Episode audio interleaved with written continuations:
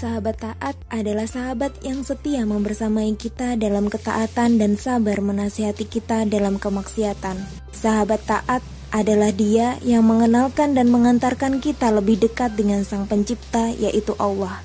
Semoga kita senantiasa istiqomah dalam ketaatan, bersahabat kita karena Allah semata. Semoga kelak kita dapat bersua di surganya dan dapat bertemu dengan Allah dan Rasulullah.